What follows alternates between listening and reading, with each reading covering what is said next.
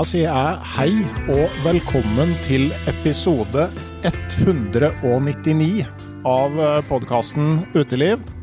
En episode som vi tenker skal manifestere podkastens motto om at en podkast aldri kan være verken for lang eller for smal.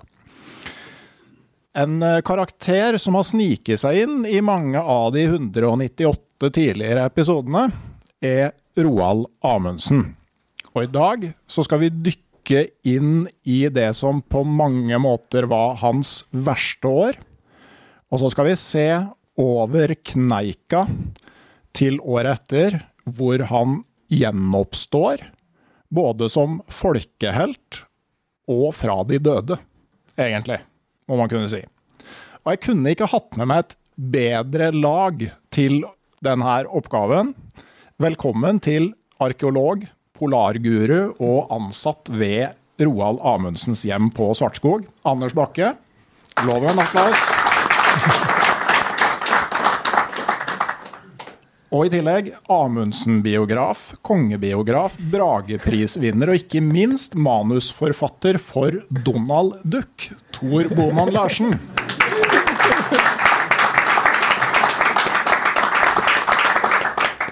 Og vi tenkte da å begynne med å se litt på hvor Roald Amundsen egentlig står ved inngangen til 1924. For da har vi en avisforside som viser at Amundsen skal ut og fly. Og du, Anders, kan kanskje ta oss gjennom en sånn Vi er inne i en sånn omveltning i polarverdenen her.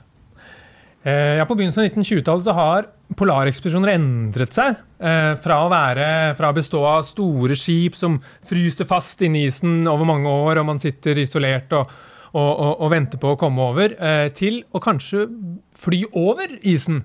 Og Det er jo akkurat det Roald eh, Amundsen har en plan om eh, når det nærmer seg 1924. Han ønsker å fly over hele Polhavet. Eh, fra den ene siden til den andre, eh, og dermed også passere Nordpolen. Og det, det er noe nytt og spektakulært, eh, det å fly så langt i, i, i, i, isen. Men for Amundsen så er ikke det å fly helt ukjent. Han har vært i, lufta før. Eh, helt tilbake til 1909 så drev han og lekte med, med sammenkoblede drager, inspirert av en engelskmann som uh, gjerne brukte sine egne barn som, uh, som testkaniner. Uh, Samuel Cody. Og, og, og, sammen med en flypioner i Norge, Einar Skjem Jacobsen, så fikk de bygget da noen sammenkoblede drager som de drev og testa ut. de ble aldri brukt på ekspedisjon.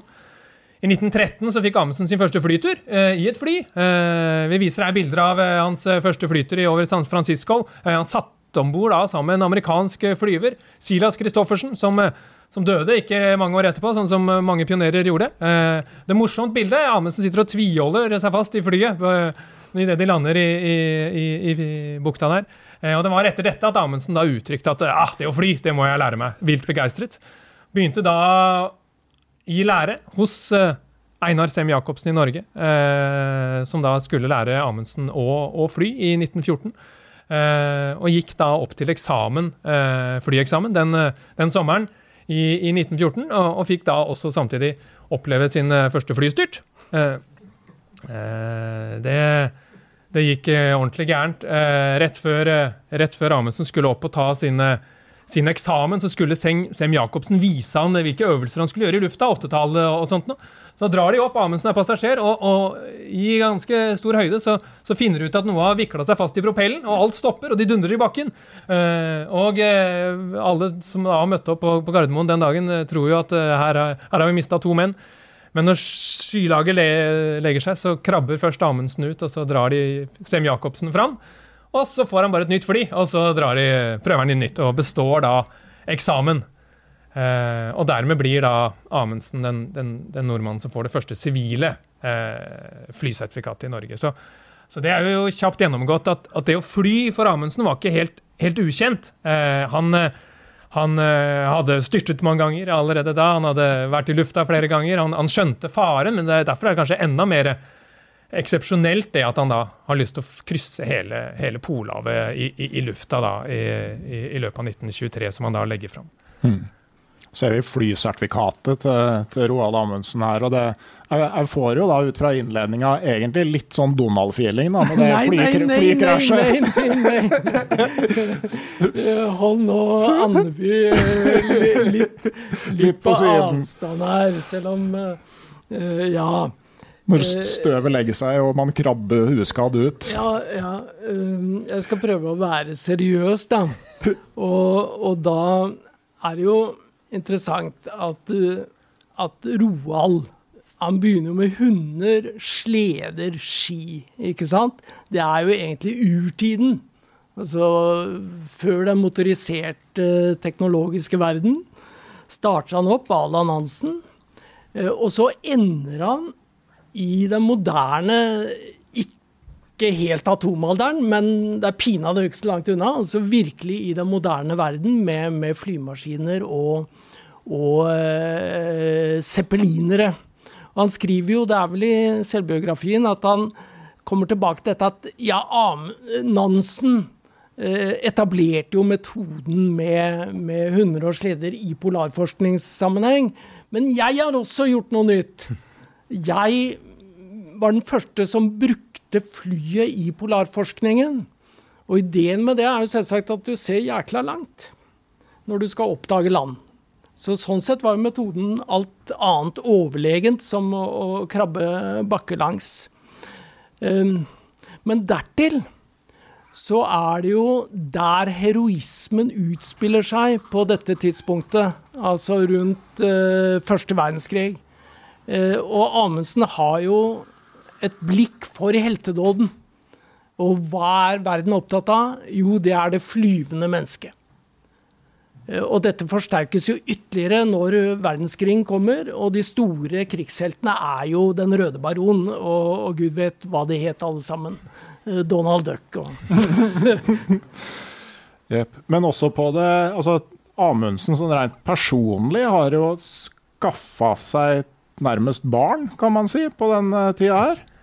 Eh, eh, ja, altså han har ikke bare skaffet seg fly og erfaring og, og prøvd eh, det flere ganger, men eh, han har også skaffet seg to Kall det adoptivdøtre eller fosterbarn. eller sånt. Det, det, var disse to jentene som vi nå viser bilde av. Eh, da de møttes for første gang, så var minstemann Nita. Eh, hun var rundt fire-fem år. Vanskelig å, å, å, bekrefte ordentlig. Og eh, hun som var litt eldre, var Camilla, elleve år gammel. Og, og, de ble med Amundsen hjem fra isen. Eh, og bodde hjemme hos han eh, i ett og et halvt år. Eh, de fikk sitt eget rom i huset hans ute på Svartskog. Og, og, det er en vanskelig historie kanskje å begripe i dag at en, en eldre norsk mann i midten av 50-åra tar med seg to små jenter eh, og, og, tar dem med seg hjem og senere sender dem tilbake. Eh, men det er da et veldig godt eksempel på hvordan man kanskje må behandle historien, og hvordan man faktisk må gå litt i dybden for i det hele tatt befatte eh, mye av Amundsens eh, liv. Da. Mm. Men der skal vi kanskje si noen ord om Maud-ekspedisjonen også, for å, ja. å, få disse uh, inuittjentene på plass. At uh, nå er vi oppe i lufta. Men det er klart at jeg nevnte uh, den tradisjonelle polarforskningen med, med, med, hunder og sleder og skip. Så at Maud-ekspedisjonen som da drar ut i, i Den kom vel av sted på tampen av 1918 hvis jeg husker riktig nå. Og, og, da er vi fortsatt i istiden, holdt jeg på å si. Altså i, i den, den, klassiske polarforskningen. Eh, og så går det jo bare Og så låser dette seg fast ute i pakkisen der. Og, og, Roald blir opptatt av isbjørn og småjenter. Altså eh, Ja, det, det, var ikke ment å ha dobbeltbunn, det med isbjørn. Eh, men, men, eh, det koker ned til den type oppdagelser. da. Og, og Sverdrup driver jo forskning på dette området. Han jo, eh, er jo utdannet innenfor et helt annet fag, men må, må vise seg forskning blant, eh, blant inuitter og, og, og og disse gruppene. Så alt, hele den ekspedisjonen blir jo en avsporing på en måte av Amundsens drift da mot mot Nordpolen, for å si det symbolsk, eller, eh, hva nå denne ekspedisjonen skulle være som egentlig, den egentlige tredje fram-ekspedisjonen. Og den skulle vel etter planen ha vært ferdig eh, når vi kom eh, til årsskiftet 23-24. Ja, så skulle absolutt. den helst ha vært kommet ut igjen rundt Svalbard. Og det påvirker vel også finansene at eh, ekspedisjonen begynner å vare så lenge? Ja, det, når du er på polarekspedisjon, så, så tjener du ikke så mye penger når du sitter oppe i isen der. Eh, Penga kan du gjøre når du kommer hjem, når du kan fortelle om eh, ekspedisjonen din, når du kan selge bøker og få folk til å komme på foredrag eller se film og sånt noe. Så det å ha veldig langvarige ekspedisjoner, eh, syv-åtte år, det er eh, Da skal du ha mye penger i banken eh, hvis du skal klare å komme godt ut på andre sida. Og det skjer med Amundsen. At disse, denne langvarige Maud-ekspedisjonen er med på å knekke han økonomisk. Og så alt dette her, alle disse elementene er med småjenter og fly og dårlig økonomi og en skute som ennå da står fast i isen oppe i Polhavet, det er med å prege Amundsen inn mot 1924, som eh, Og det er vel også med å prege folkeopinionen at det er lenge siden uh, Amundsen har kommet hjem med en triumf. Det er jo tolv år siden. Ja, du kan jo si at, at uh, Maud-ekspedisjonen er jo Det er jo en bakevje allerede i utgangspunktet, fordi eh, den tredje framekspedisjonen skulle jo til Nordpolen, så ble det Sydpolen isteden. Men så sitter Amundsen da med denne vitenskapelige gjelden så å si til Norge, og ikke minst til Nansen, om å gjennomføre da en repetisjon av den første fram-ekspedisjonen av vitenskapelige øh, oseanografiske årsaker. ikke sant? Alt dette som ikke interesserer Roald så veldig mye. Uh, og, og uten egentlig noe eh, heroisk mål. Uh, og så kjører den seg også vitenskapelig sett fast, om ikke annet pga. Av, av isen. Så, så det er en programmatisk nedtur. Og et bilde på det her, det er jo når vi kommer til nyttårsaften i 1923. Så er det da avisen Tiden som eh, på forsiden er egentlig mest opptatt av at de har vært på reise i det nye Sovjetunionen og vil skrive om hvor fantastisk flott det er der. Eh, Men inni så har eh, Arnulf Øverland fått eh, en aldri så liten sak på trykk om eh, Roald Amundsen. Og for de som tror at liksom, trolling var noe som kom med internett, så bør man søke i Nasjonalbiblioteket på Hvis du søker på Arnulf Øverland og kjøleskap og Roald Amundsen, så dukker den her opp. Og det her, det her er en bitende sak.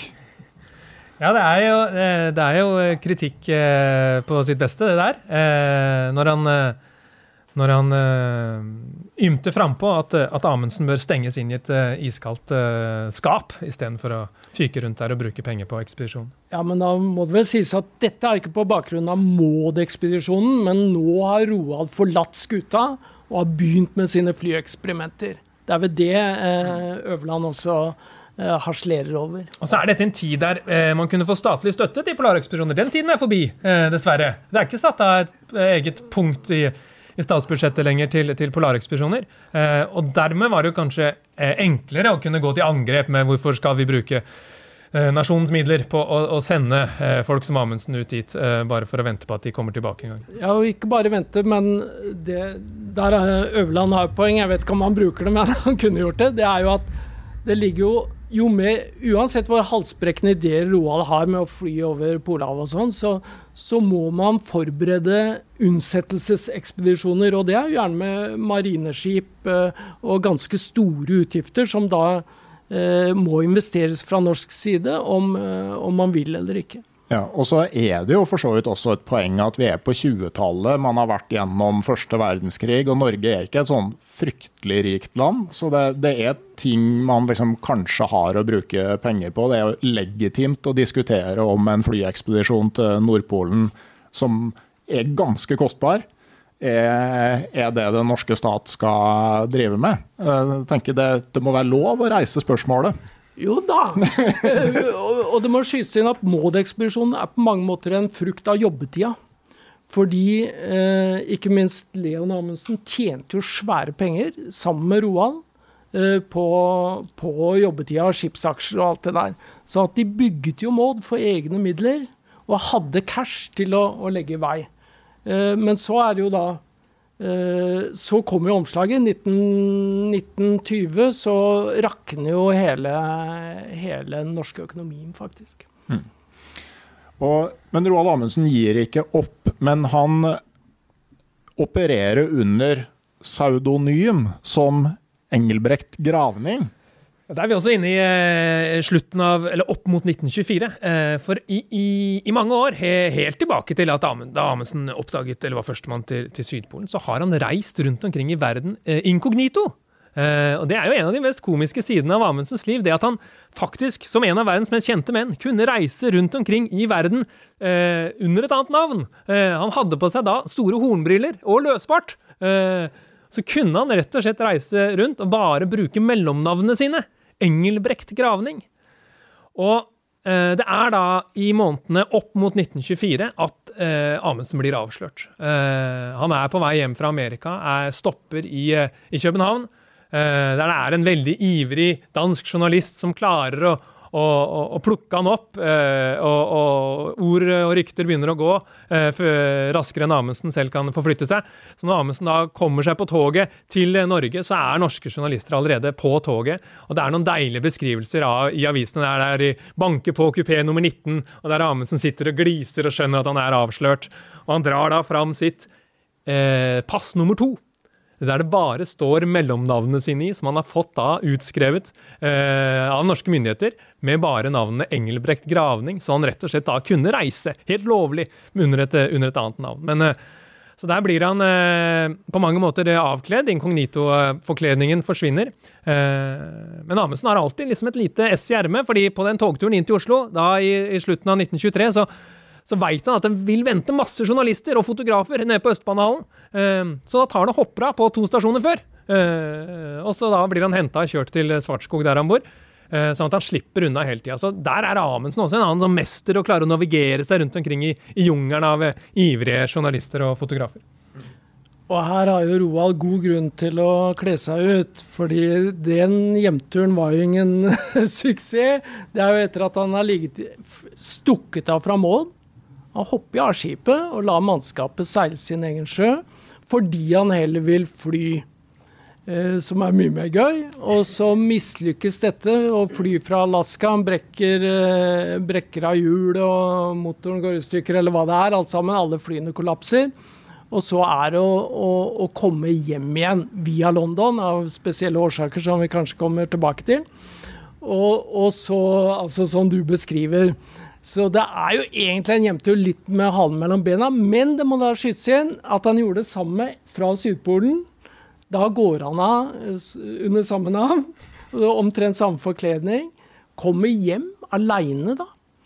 Eh, igjen da han latt gutta seile med, med, båten, ikke sant. Og så mm, går han opp på Østbanestasjonen. Eh, tar trikken opp til Slottsparken. Rusler opp til kongen med Sydpolen. Eh, sånn gikk det.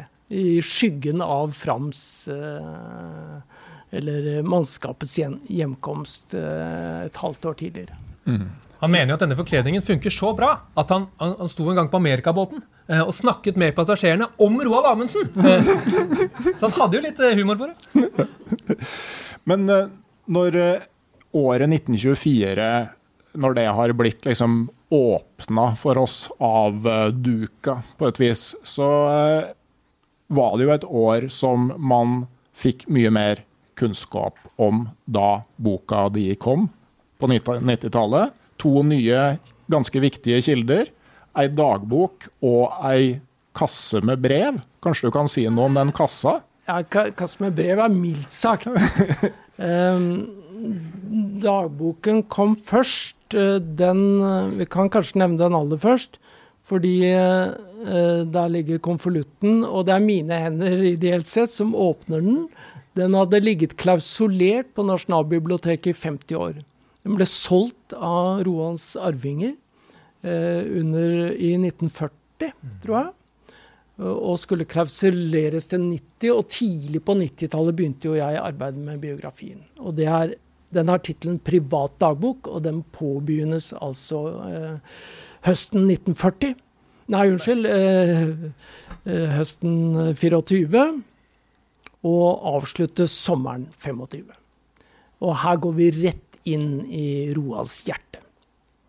Dette her, her ligger eh, livet hans og venter, på en måte hans indre liv. Eh, skal ikke si mer enn at kassa, den klarte jeg å oppspore på Rakkestad. Og det var eh, et systematisk søk via Altså greia Vi skal jo snakke litt om Leon sikkert også senere. Eh, greia med Roald er jo at han er to personer. Bare sånn kan du forstå Roald Amundsen. Hans enorme apparat, hans enorme virksomhet, svære økonomi, diplomati, alt dette pluss ekspedisjonene, kan ikke en mann klare. Roald er Roald, og han er Leon. Begge er brødrene Amundsen. Disse bryter jo med hverandre i 24, som vi skal komme tilbake til. Men det betyr også at Leon, som var forretningsfører, han førte selvsagt arkivet. Alt dette lå hos Leon.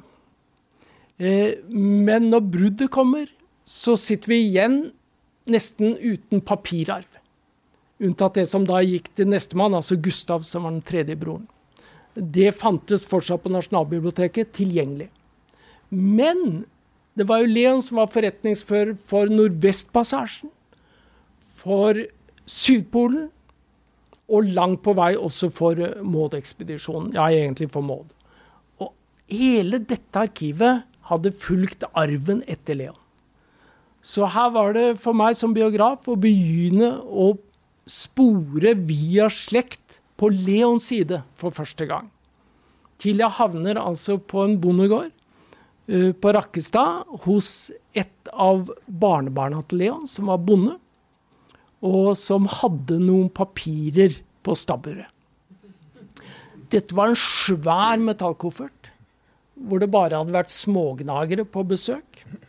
Den inneholdt Eh, jeg telte opp ca. 16 000 sider norsk polarhistorie. Eh, inklusive Sydpoltelegrammet. Det første ble selvsagt sendt til Leon. Eh, det er egentlig Sydpolens oppdagelse. Det hadde ligget der på Rakkestad eh, uten at uh, norske polarhistorikere Her må du ta ansvar!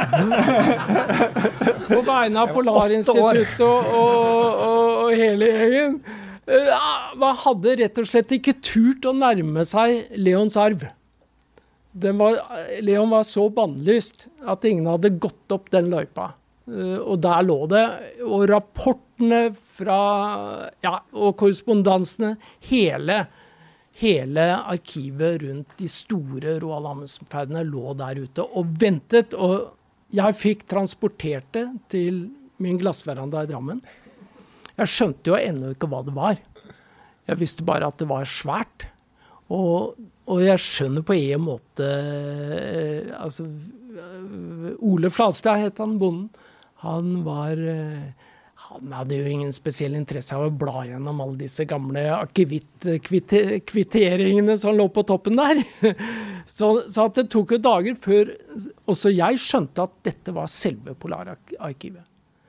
Eh, dette var eh, norsk polarhistorie i sin kjerne. Tilsvarende Nansens første framferd, f.eks så sitter vi altså her med, med he, he, he, hele greia. Og først da kunne vi jo egentlig begynne å skrive Roald Amundsens biografi. Det er for slitt spørsmål, men altså, når, man, når du har bladd deg gjennom de akevittkvitteringene, ja. og så er det liksom på et eller annet tidspunkt så forstår du på en måte hva du har her. Altså Kan du ja. huske et sånn øyeblikk hvor det går opp for deg, og hvordan, liksom, hvordan, hvordan, det føles, rett og slett? da? Det føles helt jævlig, fordi det beslaglegger jo flere år av ditt liv. Ty typisk uh, biograf er jo å begynne med Ja, jeg tar bare Jeg går inn der. Uh, jeg tenkte faktisk på flyekspedisjonene. De var skrevet så jævla mye om Sydpolen, det, det dropper jeg, liksom. Eh, jeg går inn på 25 og 26, eh, altså zeppelinerne zeppelineren og flyekspedisjonen. Det, det, er ufortalt, følte jeg. Men så sitter du der med et materiale som tvinger deg til å bygge dette fra bånn av. For det begynner jo med korrespondansen mellom Leon og Roald som unge gutter, ikke sant. Uh, og så går det oppover. Så du må jo, og du kan ikke gi det til hvem som helst, holdt jeg på å si. Du må jo, uh, det ble jo overført til Nasjonalbiblioteket etterpå, med familiens velsignelse. Men bare ett øyeblikk, da, for å nevne det. Det lå et brev fra Scott der. Og det, det, det, ga meg frysninger, det også, det, det Sydpoltelegrammet hvor du ser Leon har sittet Det var kodet, ikke sant? Polen nået alt vel. Uh, med noen sånne kryptiske bokstaver. Og så ser du Leon har sittet nede i telegrafbygningen, den gamle der, og, og, og transkribert. Eh, og det er jo Ja, det er jo sekundene liksom, i historien. Eh, bare for å nevne Brett Scott. Det, det var etter Nordvestpassasjen. Så ble, inviterer Roald Han holdt jo foredrag i London og England etterpå.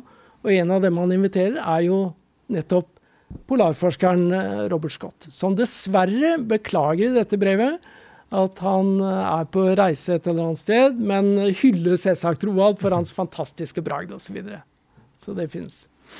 Ok, Men det finnes verre skjebner som biograf òg, enn å ramle inn i ei sånn kasse?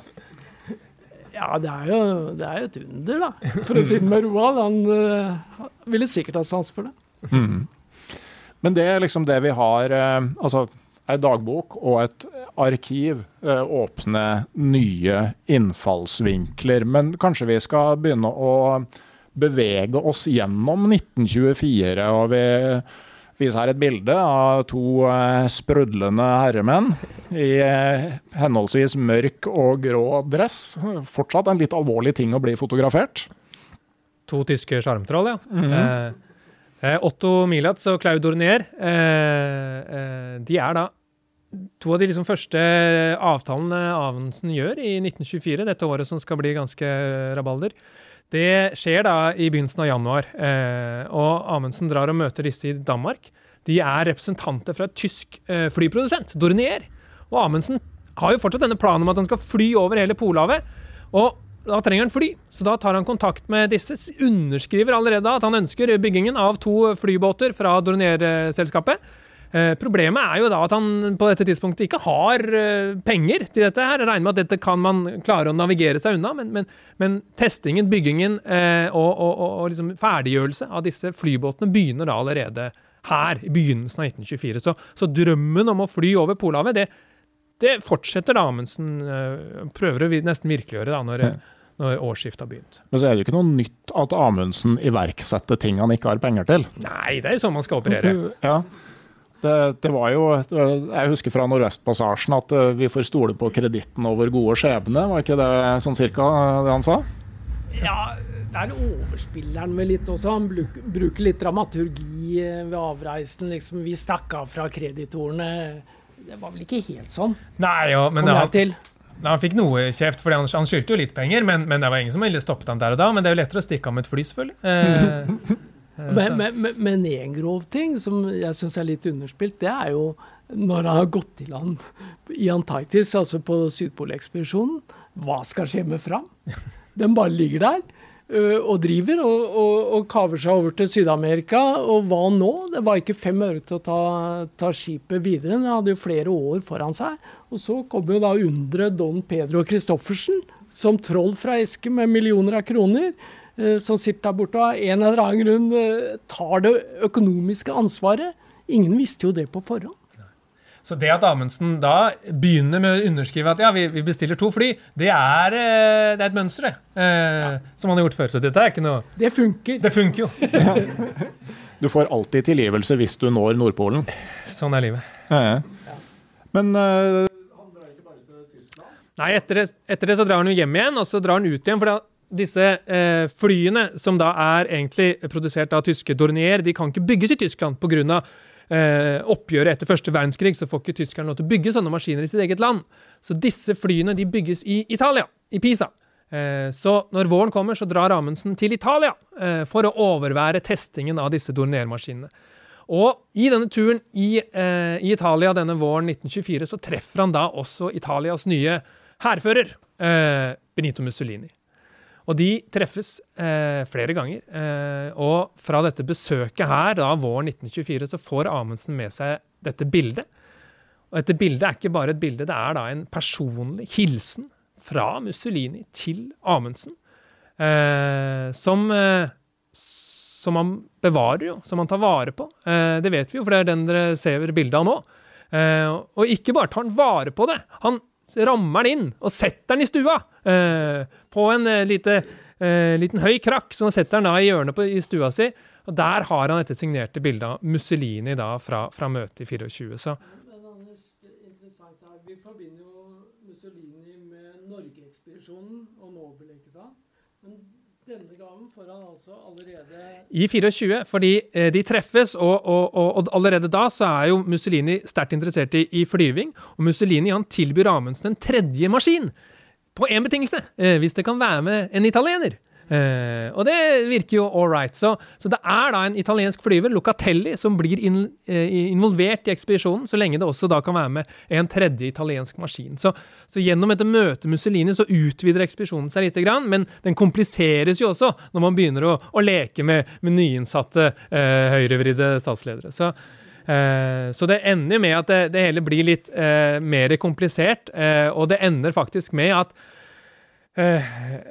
Amundsen ikke klarer å betale pengene til Dornier. Eh, og da eh, dukker det plutselig opp en liten plan hos Mussolini. Så plutselig kommer det melding opp at eh, Mussolini har lyst til å Locatelli, denne italienske flyveren, skal lede en, eh, en, en plan, en ekspedisjon til Nordpolen med, med noen Dornier-maskiner. Så, så, plutselig, gjennom dette møtet med Mussolini, så, så eh, nesten opplever Amundsen at, at Mussolini stjeler planen hans. men men heldigvis så blir ikke dette heller noe av. Eh, Locatelli prøver seg på en eh, rundreise rundt jorden og styrter i havet utenfor Grønland og blir plukka opp. Så, så, det hele er egentlig hadde vi ikke trengt å fortelle om, for det blir ingenting av. Eh, Nei, men, men, det, men, det, sier noe om helheten eh, og kompleksiteten. Litt, det er jo litt det som er problemet for Amundsen nå, at utover våren så jobber han, men det blir ingenting av.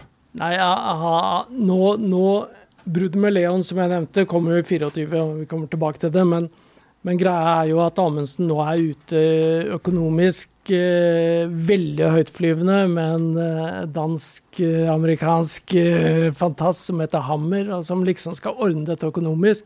Så han lager jo disse tekniske planene med Dornier Wahl, men, men, eh, men eh, det viser seg at det finnes ikke fem flate øre noe sted. Og, og Mussolini er jo tydeligvis heller ikke ute etter å redde ham da. Nei. Eh, det, det, og det viser noe om hvem som egentlig har lyst til å leke med hvem. Selv Mussolini har lyst til å leke med Amundsen, for det er, ligger en eller annen verdi der. Og, og, og, og hvem, hvem, som ser hva i hvem, det, det, kan vi bare spekulere i nå. Eh, men, eh, men, det er faktisk så, så, på høyt nivå, da. At, at, at men, men, det vi, Anders, også må, vi alle må ha klart for oss her, er at når man skal fly over, over Polhavet, fra Alaska til Spitsbergen, så handler dette om å oppdage nytt land. Fordi dette er den siste delen av jordkloden som, en, som har noe format som ennå ikke har vært sett, verken fra bakken eller fra luften. Og det er svært. Det kan ligge et nytt Amerika, i hvert fall et Grønland, og i verste fall bare et Island, eller ingenting. Og da handler det jo om hvilken nasjon skal plante flagget. Og det kompliserer selvsagt også forholdet til Mussolini, vil jeg tro. Mm. Men også på det personlige plan. da, så eh, Amundsen på det ene feltet, så, så besøker han å og samarbeider med statsledere. Men på hjemmebane så mister han en av sine nærmeste. Ja, vi er fortsatt i mai, eh, mm. så, han, så, han, eh, får kjennskap til Mussolini. Så kommer han hjem, og da, da dør kjære Betty. Eh, hans, hans opprinnelige svenske barnepike. Altså kanskje den kvinnen som har stått nærmest han i, i, i hele livet. Eh, hun som har vært barnepiken fra da han var liten, som har passet på alle brødrene Amundsen, og som fikk et veldig tett, tett nærhet til Roald. Eh, altså da, da, Roald ble voksen og, og, og, etter hvert kjøpte seg en leilighet i Parkveien, så tok han med seg Betty. Så han var en av de derre eh, studentene som var 20 år, som hadde egen leilighet i Parkveien og egen tjenestepike. Eh, ganske kvalm type sånn sett, men han fortsatte jo å ha med seg Betty videre i livet. Da han kjøpte seg etter huset ute på Svartskog som han kalte Uranienborg, så fikk Betty lov til å bo i huset ved siden av. Så Betty var viktig på mange måter. Hun kunne passe litt på han, og han kunne passe litt på henne. Hun var jo mye eldre. Og da Amundsen dro hjem igjen fra Sydpolen, så markerte han også sin, sin, sin kjærlighet til Betty, for da oppdaget de jo fjelltopper som ikke hadde navn. Og en av disse fjellene kalte han da opp etter Betty. Betty-toppen, eller Mount Betty, som det heter offisielt i dag. Det gøyale der er jo at, at, han visste jo at Betty aldri ville komme seg til Betty-toppen. Hun kom seg aldri ned dit, så han, så han, tok med en liten stein fra fjellet til Betty. Så hun liksom kunne få en liten del av fjellet sitt, som, som ennå står bevart. Eh, så Betty og Amundsen var, var veldig nære, og han, han, skriver flere brev hjem og lurer på hvordan Betty har det, og når hun har dårlig gikt, så sender han penger så hun kan dra til Langesund bad og, og, og passe på at hun har det bra. Eh, så det var hun og en, en annen husholderske i huset hans ute på Svartskog, som het Emilie Bartholsen, som, som virkelig var liksom de to som, ja, som, passet både på hus og hjem og, og, og mannen der borte. Og jeg har prøvd veldig å søke etter etter Bettys ettermæle og familie og sånn, for hun hadde jo slektninger, stor familie i Sverige. Men det, er, eh, det, var ingenting å få tak i der. Håpet var at hun kanskje kunne skrive noen, eh, noen brev med hjem, men, men eh, det, det, gjorde hun dessverre ikke. Den andre kvinnen, Emilie Bartholsen, har jeg også jakta etter. Hun døde på 40-tallet, hun hadde ingen barn, men klarte da å spore opp én fjern slektning fra henne som, som kunne historien. Han var 92 år gammel da jeg ringte han, og han sa 'Så hyggelig at du ringer, jeg har ikke fortalt om dette til noen'. Han hadde masse å si om Emilie Bartholsen, men han hadde bare ikke tid den dagen jeg ringte, så han sa 'ring meg til uka'. Og så la vi på. Og så ringte jeg neste tirsdag, og da hadde han lagt på på ordentlig. Han døde eh, rett etterpå, så, så, så vi vet ikke så mye om de som sto Amundsen så tett nær. Eh, eh, og særlig da Betty, som var helt, helt nærme Amundsen i så mange år, dør da i 24. Eh, Amundsen trykket da en egen dødsannonse i avisene og brukte penger han ikke hadde for at navnet hennes skulle stå med gullskrift på graven her, på, her i Oslo. Så, så, hun var et stort tap for han. Ja, jeg syns nok den dødsannonsen er en smule selvopptatt. Når du ser at det er bare Roald. Han hadde jo tross alt fortsatt tre brødre i livet, som vel også hadde et forhold til Betty, kanskje. Men eh, jeg syns vi må minne om, du har nevnt eh, leiligheten i Parkveien. Vi er jo like ved her. Mm. Og, og, Roald vokste jo tross alt opp eh, i Uranienborgveien, som er rett bak gården vi har der.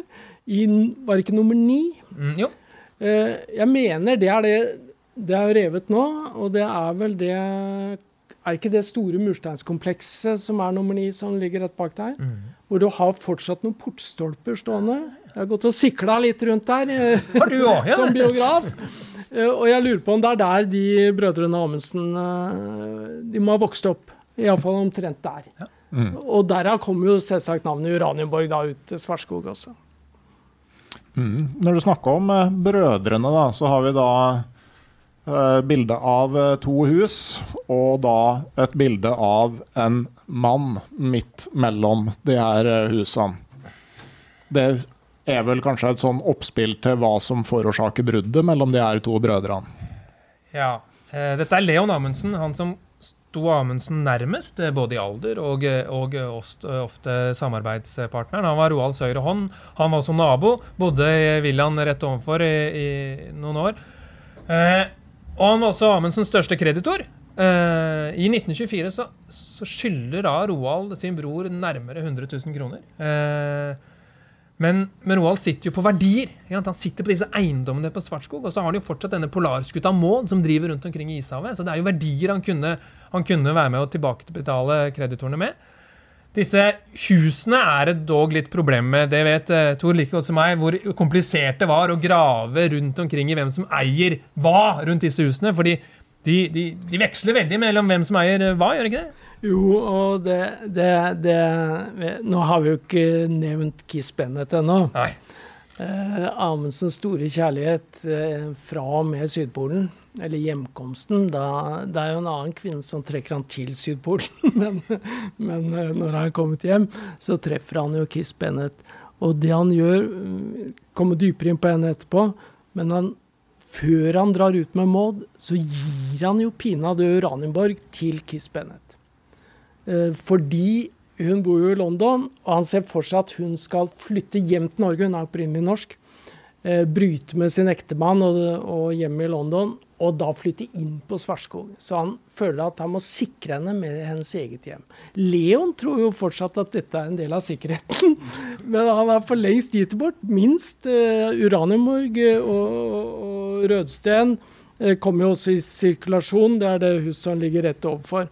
Så eh, ja, altså det sirkuset rundt de eiendommene, det tror jeg ikke vi skal ta til bånns, men det ender jo med at Roald reiser til Drøbak og slår seg selv konkurs. Leon vil ikke slå Roald konkurs, selv om de har brutt med hverandre. Fordi han mener at Roald er solvent. Eh, han har så store verdier fortsatt at ingen vil være tjent med å slå han konkurs. Og ingen av de andre eh, kreditorene heller. Så han gjør det selv.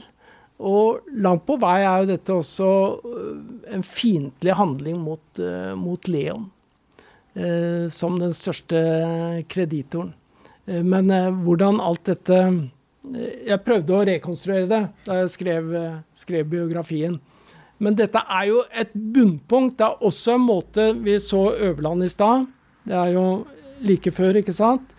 At eh, Roald vil ikke ha penger av Norge lenger. Leons løsning er jo hele tiden søk staten, søk staten. Forskningsmidler, alt dette her. Men Roald er for stolt.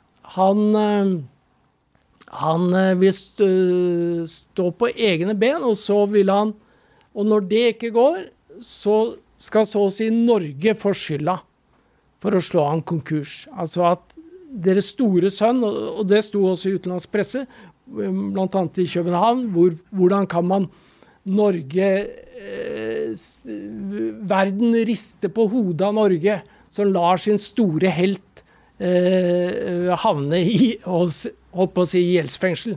Altså miste sitt økonomiske fundament. Da. Altså Han nedverdiger på en måte seg selv, eh, men stiger da i, i, verdens øyne, på en måte. Eller det blir en slags skylddeling. Altså merkelige ting. Men uh, Han kaller det jo selv det mest ydmykende øyeblikket i sitt liv. Ja. Uh, og man kan jo tenke seg en fyr som gjerne vil holde det private privat og gå med løsbriller og bart og sant, være, være, skjult når han uh, ikke må være en offentlig polarfarer. Det å måtte brette ut og bli konkurs og brette ut en konflikt med sin bror, det må jo ha vært vanskelig for, for fyren. Uh, så jeg tror den sommeren eller forstår veldig, den sommeren i 1924 må ha vært vanskelig mellom disse to brødrene som bodde like ved hverandre, som ikke kunne snakke sammen lenger. Og Amundsen kjøpte seg en ny lås og hang på porten så det ikke skulle bli forstyrret av disse nabobarna. Så, så, det var nok litt intenst der ute i periferien den sommeren. Mm. Men uh, hvor er Maud? For det er jo en del av boet. Er hun fastfryst i Polhavet et sted? Korrekt. Ja, så hun, så hun, nærmer seg etter hvert. da, Når hun da etter hvert kommer til, til Seattle, så er det de første som går om bord politimenn, og den blir tatt i uh, arrest. Uh, mm. så, så, den blir da en, en del av, en del av boden. Kjøpt av Hudson Bay Company og omdøpt til Baymod. Ja. Mm. Flytende handelsstasjon. Jeg har sittet på, på Maud i ja. Cambridge Bay i 2003. Nå kan hvem som helst sette seg på Maud, det er bare å dra til Asker. Mm. Er det kommet til Asker? Ja. ja. Hva skjer med nå? Nei, det er kanskje en avsporing.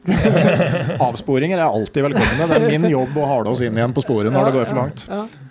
Nei, fordi jeg, jeg stusset jo litt på den eh, å hente hjem Maud, må jeg ærlig innrømme. Fordi det, det var jo Det var ikke noen eh, det var, det var, jo en Hele ekspedisjonen var jo en tragedie. Så det var ikke noe statsskip, liksom. På den annen side, når jeg så den kom seilende inn på TV på, i Nordstufjorden, så var det noe patetisk og flott ved det òg. Så gud vet, de får kanskje noe ut av det. Men, men er Maud i praksis en kopi av Fram? Ja, i utgangspunktet vel, ja. ja ikke sant. Mm. Men modernisert, ikke sant. Mye mer luksuriøs. De hadde jo cash til å gjøre dette ganske flott. Hver mann har sin egen lugar, f.eks. Det hadde jo ikke på Fram. Så, så, det var en, ja, en lystyachtutgave av Fram, kan vi kanskje si. ok, men uh, det er jo òg, altså Hvis vi ser på det personlige plan, så har jo da Amundsen tatt til seg fosterdøtre. De har han vært og henta i Middelhavet, det nordlige sådanne. Uh, altså i Polhavet.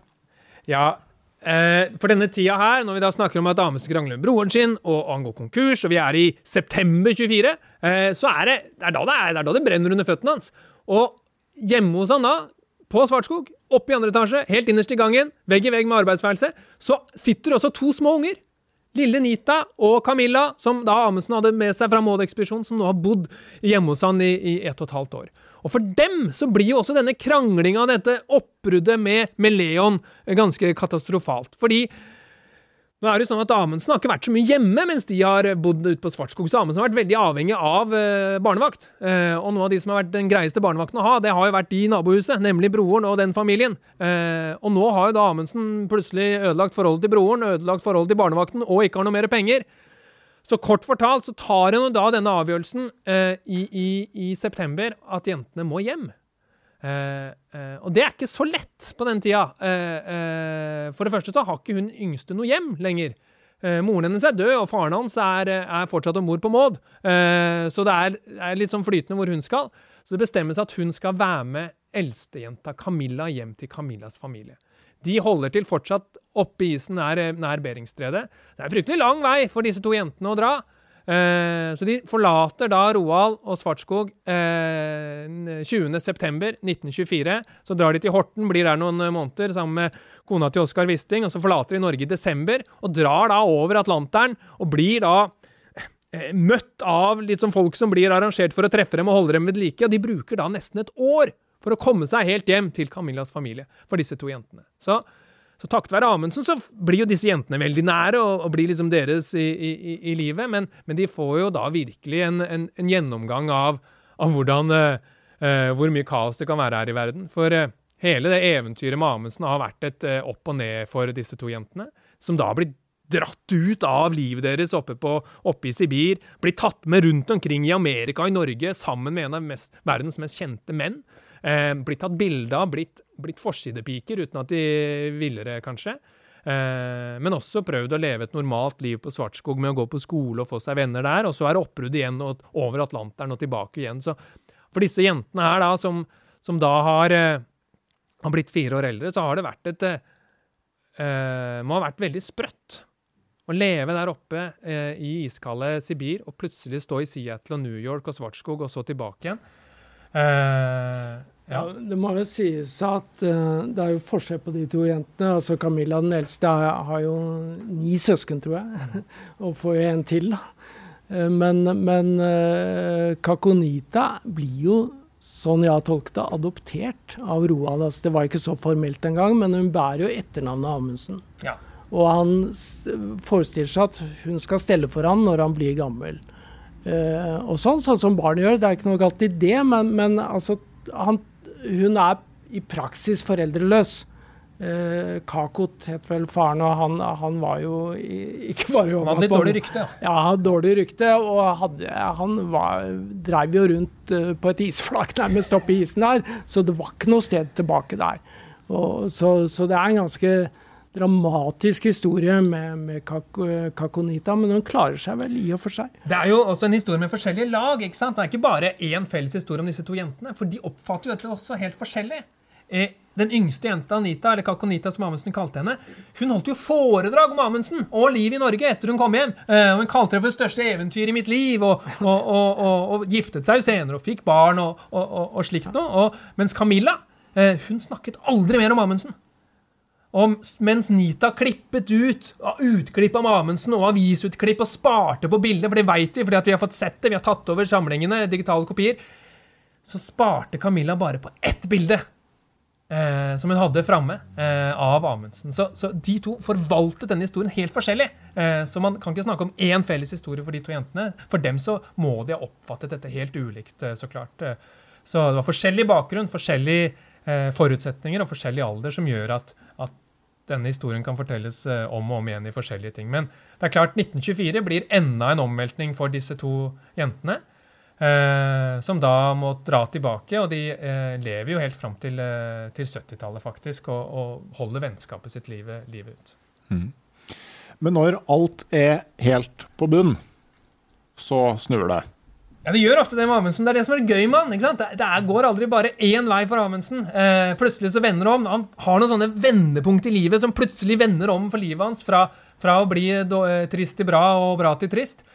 For etter at han sendte hjem jentene, så pakker han kofferten sin. For da skal han til Amerika, da skal han på foredragsturné, da skal han tjene penger, fortelle historier fra livet sitt, fra isen, sånn at folk kan betale for å komme og høre på.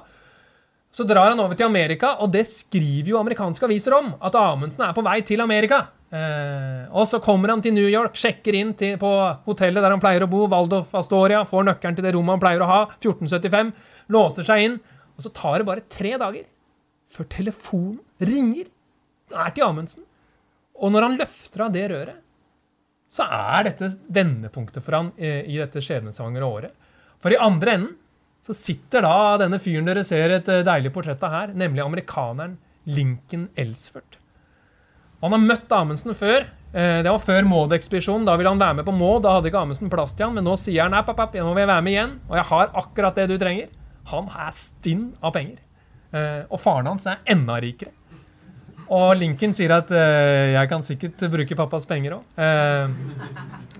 Faren hans setter bare ett kriterium eh, for å gi penger til ekspedisjonene, og sånt, og det er at Lincoln skal slutte å røyke. Så han begynner å smugrøyke. Eh, så, så, så, det ender jo med at Lincoln Elsford blir denne mannen som snur opp ned på all Amundsens elendighet. Eh, plutselig har Amundsen penger til fly, til ekspedisjon, til rett og slett å dra tilbake til, til isen igjen. Så, så akkurat den telefonsamtalen er et sånn deilig lite øyeblikksbilde på hvordan uh, livet plutselig kan vende om. Mm. Og så er det jo altså for en ekspedisjon. Ja, for det ender jo da med at Amundsen får disse Dornier-maskinene. Og planen er da eh, ennå å kunne fly oppover mot Nordpolen. Eh, og de tar da av fra Ny-Ålesund våren 1925. Eh, med da to maskiner som eh, holder fabrikknavnet sitt, N24 og N25. Og de flyr nordover. Planen er å komme seg til, til, eh, mot Nordpolen. Eh, men det kommer ikke så langt. Den ene maskinen får litt eh, trøbbel allerede fra start. Eh, og det ender med at begge maskinene lander i isen nær 88 grader nord. Og det er utingen med å fly i isen. er at Når du først lander, så kan du få, problemer. så denne ekspedisjonen viser jo også hvor sårbare polarflyverne er blitt. For de lander i isen der og ser at nå må vi komme oss hjem på en eller annen måte. Her har vi ikke noe skip, vi har ikke noe deilig bysse eller en egen lugar man kan sitte og, og, nyte maten i. De var nødt til å lage en rullebane der oppe. Eh, og der oppe beveger isen seg hele tida. Og det å da lage 500 meter med, med, slett rullebane for å komme seg hjem, det er, det er et monsterstykke av arbeid. Og de eh, hadde ikke ordentlig utstyr. De festa noe ting på stavene sine og prøvde å hakke og, og, og gjøre isen god nok. Eh, men til slutt så når de da en dato de er nødt til å, å lette, eh, og, og, gir opp den ene maskinen. Putter alle inn i én maskin, drar i spakene, trykker og satser på alt, og, og kommer seg heldigvis eh, hjem.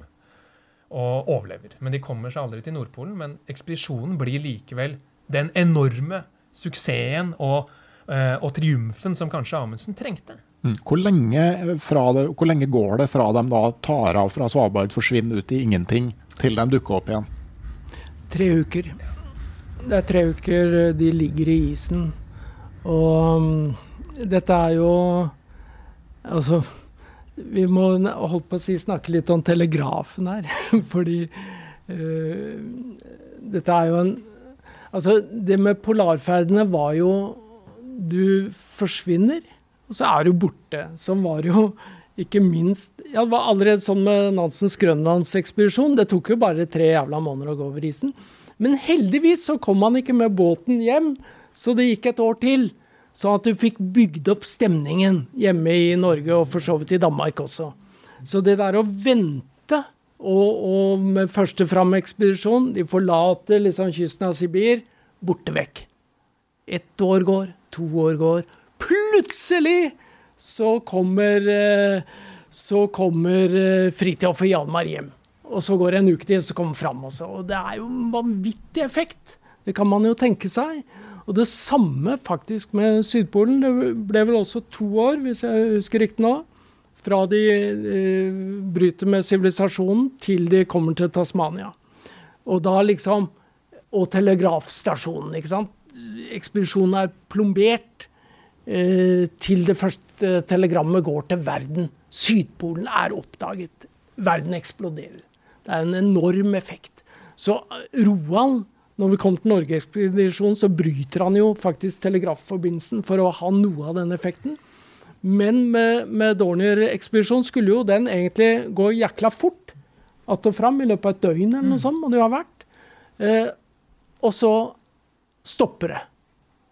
Roald hadde jo en plan om å fly over til Alaska likevel. og finne Roald Amundsens land ute i drivisen. Eh, så det kunne vært en mulighet, men da ville det kanskje gå to døgn. Eller kanskje tre, ikke noe mer. Eh, så når dagene begynner å gå, og ukene, og man vet at de hadde flymaskiner, ikke ei bikkje var med, hvordan i all verden eh, skal dette gå? Og de, de har jo dagsrasjoner med seg, men de må treffe en beslutning, liksom. Skal vi prøve å bygge den flyplassen som du har vært inne på, eller skal vi prøve å gå mot Grønland? Eh, liksom. Hva er, eh, er, den beste overlevelsesstrategien her? Og til slutt så har jeg igjen ei sjokoladeplate og én sjanse til å lette, som du også var inne på. Og så kommer de etter tre uker. Så lander de altså eh, ved, ved Spitsbergen og, og, kommer inn med fraktskute til, til Ny-Ålesund. Eh, og det er jo en det er jo en oppstandelse av bibelsk format. Og når du ser de bildene av de gutta med seierssigarene eh, De var vel seks mann igjen, eller noe sånt? Eh, var det det? Ja, ja, tre pluss tre. Ja. Uh, Elsvort var jo med, mm. faktisk. Uh, en tysk mekaniker som kollapsa, selvsagt, fordi han var tysker. Og så og staute norske karer. Og Riise Larsen var jo flyveren her må nevnes ved navn, for det var han som fløy tilbake. Men, men de er så herja at det, når jeg skulle prøve å tolke de bildene i biografien, så eneste jeg kom på, var Scott. Og hans menn, når de står på polpunktet etter å ha funnet det norske teltet, de trynene hadde så utmatta, selv om de nå faktisk hadde en totaltriumf, men de var altså så kjørt. Så her har du eh, ikke bare den billige triumfen, liksom. Men du har lidelsen og, og, prøvelsen innbakt i det hele. Og Roald er jo blitt dypt religiøs i løpet av dette her. Eh, og i mine øyne, etter å ha skrevet eh, ekspedisjon etter ekspedisjon, så er dette høydepunktet i Roald Amundsens eh, polfarerliv. I hvert fall i en biografisk menneskelig forstand. Og effekten var jo knall. Det kommer jo etter bunnpunktet. Så, ja, så er det jo sånn enorm eh, velkomsttema. Både Amundsen og Norge trengte jo akkurat den helten og de heltene som da returnerte. Eh, dette filmklippet her er jo tatt når de kommer tilbake til, til Oslo, til Honnørbryggen. Eh, og det er jo ikke, nå er det jo ikke noe Øverland som vi stenger dem inn i noe isskap eller låser fyren fast. Altså Her har hele byen, hele landet, møtt opp. Og Roald har ikke noe forkledning. Nei, ingen løspart. Her hopper han ikke av på siste stasjon før Østmanalen. Her er det en enorm begeistring for da noen som ikke har nådd Nordpolen. Eh, de har nådd eh. Eh, opp mot 88 grader nord. Så det handler noe om spenningen, fortellingen, entusiasmen rundt. Og det som har ligget under alle disse ekspedisjonene, er jo at eh, Arktis, som Antarktis, er jo dødens territorium. Tradisjonelt. Der reiste man inn, og man kom ikke levende tilbake igjen. Det var først Nansen så å si, som klarte å overleve gjennom dette her. Så, så det de har seilt over, er ikke det er, det er, døden. Det er livet som har seiret. Så, sånn må vi tolke den, eh, den triumfen og gleden. Og, og Elsfurt han sluttet å smugrøyke etter den ekspedisjonen, for han fikk melding om at faren hans var død. Eh, han begynte å røyke offentlig igjen. Seiersigaren. ja. Jeg tenker også, altså det, det, portrettet av Ellsworth, når det kom, og så tenker du på det kontra de to tyskerne. Eh, det, det, det, viser også noe om forskjellen i mentalitet, tenker jeg. Det, den grundige ingeniøren og den livsglade rikmannssønnen. Men, eh, men Amundsen reiste seg igjen og kunne på nytt hylles av eh, folk. Det gjorde ingenting at Maud hadde blitt handelsstasjon. Nå betydde ikke det noen ting lenger.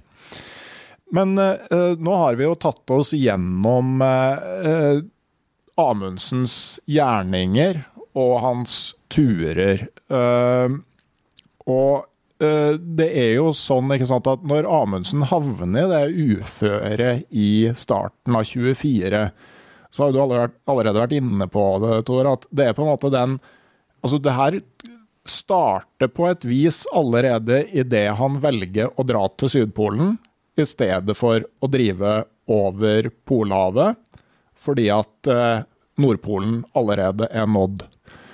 Men når man skal se på en sånn mann som Amundsen, og hva han kanskje har betydd i en større sammenheng, så kan det jo av og til være effektfullt å tenke på hva som ville skjedd hvis ting ikke hadde hendt. Eller hvis noe hadde tatt en annen retning på et tidspunkt. Så det vi tenkte vi skulle gjøre nå, var å se for oss at Cook og Peary kommer tilbake til Grønland og sier at Daffen, vi har vært langt nordover, men eh, nei, jeg tror ikke vi har vært på Nordpolen.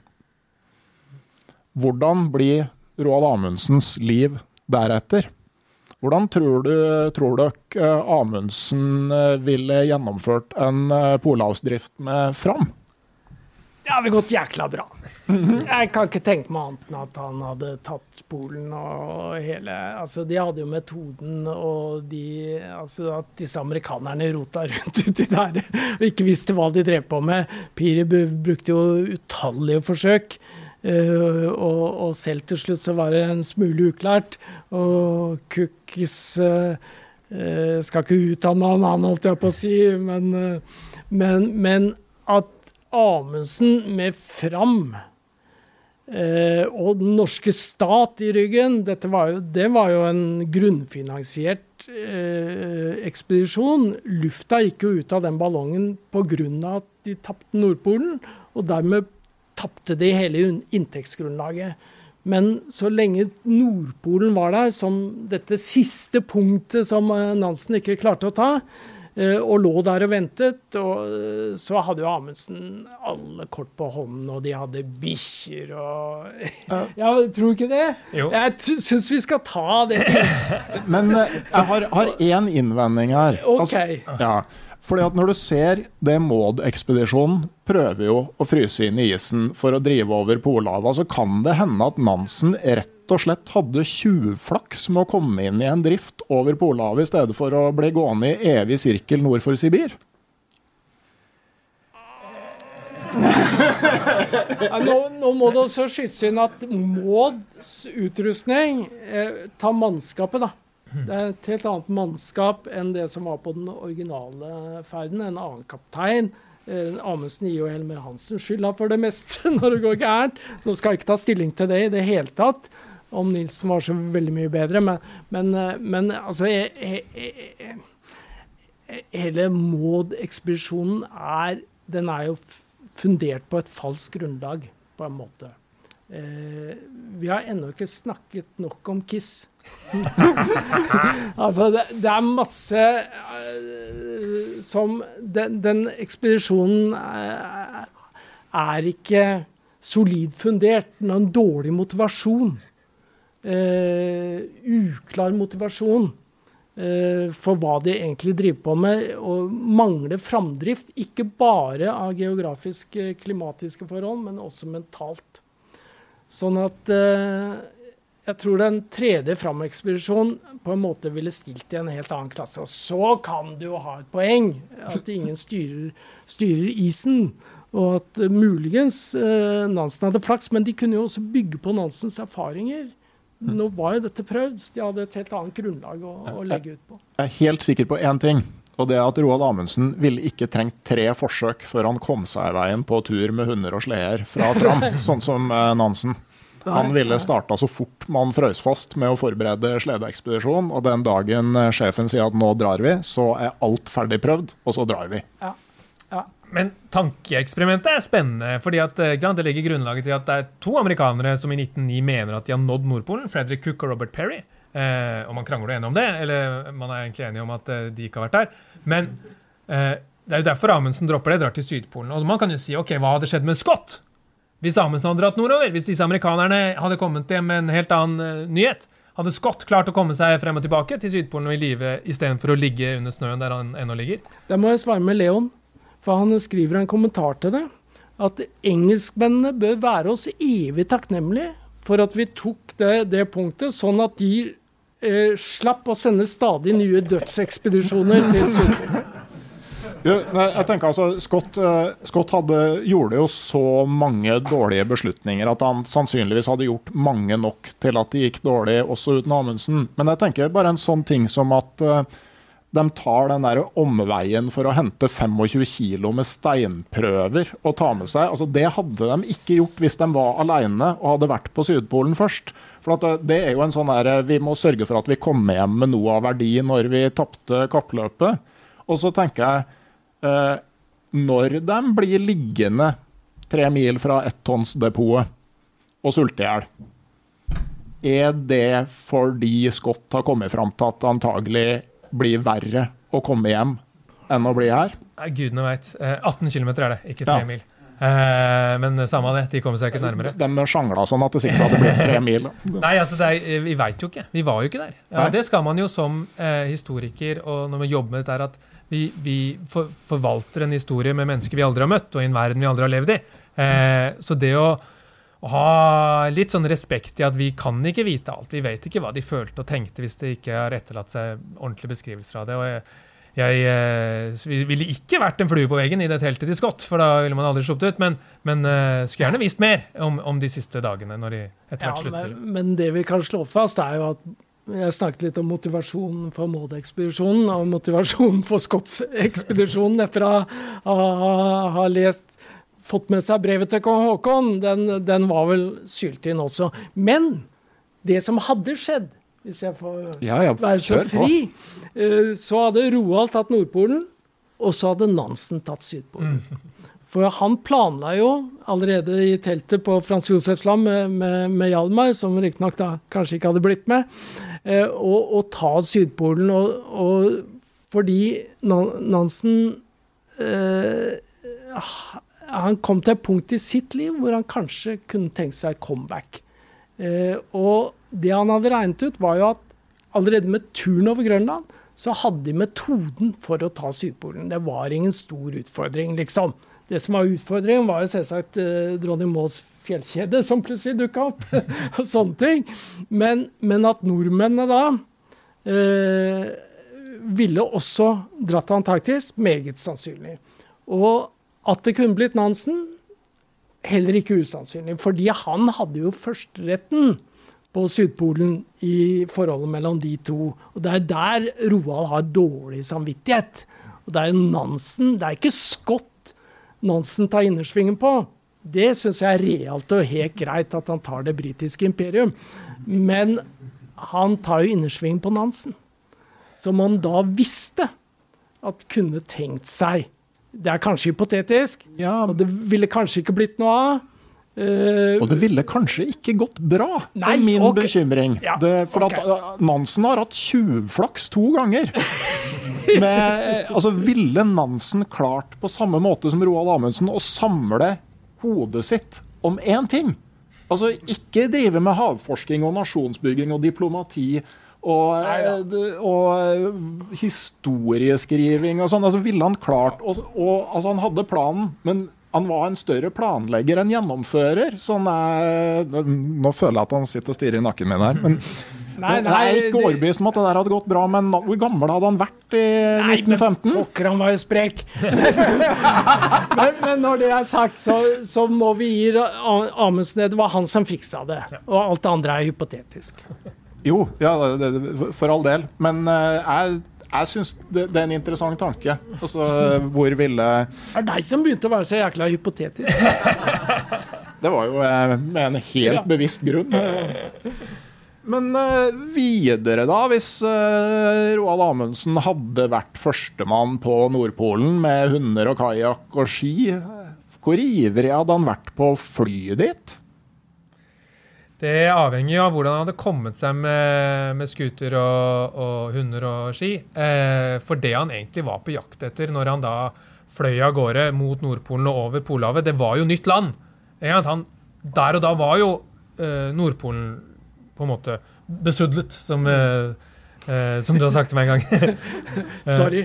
Ja, eh, ikke sant? Amerikanerne hadde vært der. Så, og jeg tror jo at det var, jo, det var jo det. Det var jo mange flyekspedisjoner. Det var ikke bare Amundsen som fløy rundt omkring i ishavet på, den- på 1920-tallet. Det var flere som da var opptatt av å finne dette kanskje ukjente landet der oppe. Det var snakk om at det kanskje bodde folk der, og det var kanskje snakk om at det fantes oaser eller, eller, eh, eller rikdommer. Så, så det kappløpet det ser vi bare i dag. Det er jo fortsatt et kappløp mot polene, men det bare endrer elementer av hva slags kappløp det er. I dag handler det om, om å gå baklengs eller gå på tid eller eh, ha minst mulig mat i sekken eller sånt noe. Men, men kappløpet vil jo alltid eksistere, så lenge nyheten, verdien Ja, er der. men, men du sier jo at liksom, eh, du Tor, sier jo at eh, Amundsen egentlig ikke hadde motivasjon, og du antyder jo kanskje at det er kvinnfolk som er grunnen til at han ikke er så motivert for å fryse inn i Polhavet i, i fire-fem år. Altså, vi- Ville det Jo, ikke vært nei. behagelig å bare hvile på laurbærene til slutt? Nei, det var ikke noe for Roald, tror jeg. Nei, det, eh, Roald Amundsen er en kunstner. Han, eh, han kan ikke slutte å jobbe. Da, går, eh, da kollapser han. Eh, vi skal komme tilbake til hans psykologi, men, men, men det- det er problemet med Maud-ekspedisjonen at du har ikke målet. I og for seg er ikke Amundsen så veldig opptatt av metoden. Det er målet som teller. Det er, eh, og, det kan være punkt, som Nordpolen var. Det har han ikke med Maud. Og, det andre er selvsagt land. Nytt land. Det er en kjempegreie. Men Maud ligger jo og vaker inne i det kjente farvannet hvor Fram allerede har vært. Så det er, det er, dette er noe som skal legges tilbake, og det er et helt annet psykologisk perspektiv. Det er ikke framdrift der. Hele poenget for Roald var å være borte. Sånn at andre kunne begynne å tenke i London. Eh, Men når du sier at vi ikke har snakka nok om Kiss, hva er det vi mangler? Skal du få opp bildet, eller? Ja, ja er, det, Har det? er det hun vi har er det er, Det er Kiss. Det er Kiss. mm. Et eldre bilde av Kiss. Eller uh, Ja, er det er som har for, for nå er vi tilbake i dagboka. For Ja, den har vi på en måte bare Den har vi på en måte bare vist at den, ha, den var skrevet til noen. Mm, mm. Hvordan fant du ut hvem den var skrevet Nei, til? det var litt av en jobb. For den er jo Denne hemmelige dagboken som dere så, eller private dagboken som lå på NB, den, eh, den er formulert som et brev. Hele boken er skrevet i du-form, eh, men for hver dag. Så den er både et personlig brev og en dagbok. Først en rent personlig dagbok, med utgangspunkt i konkursen. Eh, er du glad i meg? Eh, hva skal jeg leve for? Hva gjør jeg nå? Og så går den over i å bli en ekspedisjonsdagbok etter hvert som han treffer Elsfort. Det skjer jo i dagboken. Og Dorneval-ekspedisjonen får, får, eh, får fundament. Og så ender den den dagen eh, flyene letter N24 og N25 retning Nordpolen. Eh, og, og han skriver eh, at jeg eh, tenker på meg deg til mitt siste åndedrag. Omtrent det. Altså Han regner vel antagelig med at han aldri kommer tilbake igjen. Men vi, vi må huske at Amundsen har altså to fly som han driver med i Alaska før denne ekspedisjonen. Som er den store eh, katastrofen hans, som han aldri får, får opp i lufta. Den ene heter Christine, den andre heter Elisabeth, av de to flyene. Dette er Kiss Bennets eh, døpenavn. Kristine Christine Elisabeth Gudde fra Trondheim. Ingen visste hvor de navnene kom fra. Og jeg tror også, når han døper Maud Jeg fant det telegrammet eh, hvor han får svar fra Slottet. Det er meget sent at det svaret kommer inn. Og jeg tror Maud var en reserveløsning. At han også gjerne hadde kalt det, den skuta enten for Kristine eller Elisabeth. Eh, for det er hun dette kretser rundt. Boken, ekspedisjonsdagboken, eh, eller bokverket, da. Sånn som det kommer jo alltid en bok ut av disse ekspedisjonene. Eh, boken om Nordøstpassasjen, som den ble hetende, Må- Målboken, den er dedisert til henne. Men bare ved hjelp av hennes fødselsdato. Den er eh, tilegnet fødselsdagsbarnet, og så står hennes dato. Ingen visste jo når. Ingen klarte å kommandere. Dette er før Google, ikke sant. Du kunne ikke drive og kommandere ting. Eh, men det var også et av elementene jeg hadde når jeg skulle rekonstruere eh, kvinnen i Roald Amundsens liv, som dette handler om. Roald er en romantiker tvers igjennom, er min analyse.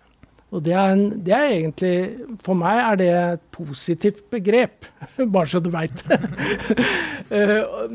og, og, du ser både kunstneren og romantikerne. Romantikeren hos Roald. Han, det er indre drivkrefter som ikke bare handler om is og matematiske punkter, men om sterke lidenskaper og følelser. Og at han forholder seg én til én da med, med en kvinne Eh, så tydelig som det skjer i, i denne private dagboken, at, eh, at, eh, det er deg jeg lever for. Og så må han gjøre inntrykk på henne. For han, han treffer henne jo første gang da han har erobret Sydpolen. Og de møtes i London. En dag han feirer resten av livet. Da har han Polen å legge på bordet for denne betydelig yngre kvinnen som også er gift og lever i et ekteskap med en betydelig eldre, men meget rik mann. Eh, sånn at det er på en måte polferdene som er hans triumfkort. Og når han eh, Og han prøver å erobre henne hele tiden, samtidig som han skyver Nordpolekspedisjonen fra seg, altså den tredje fram-ekspedisjonen. Eh, helt til dette forholdet låser seg. Klarer ikke å overbevise henne.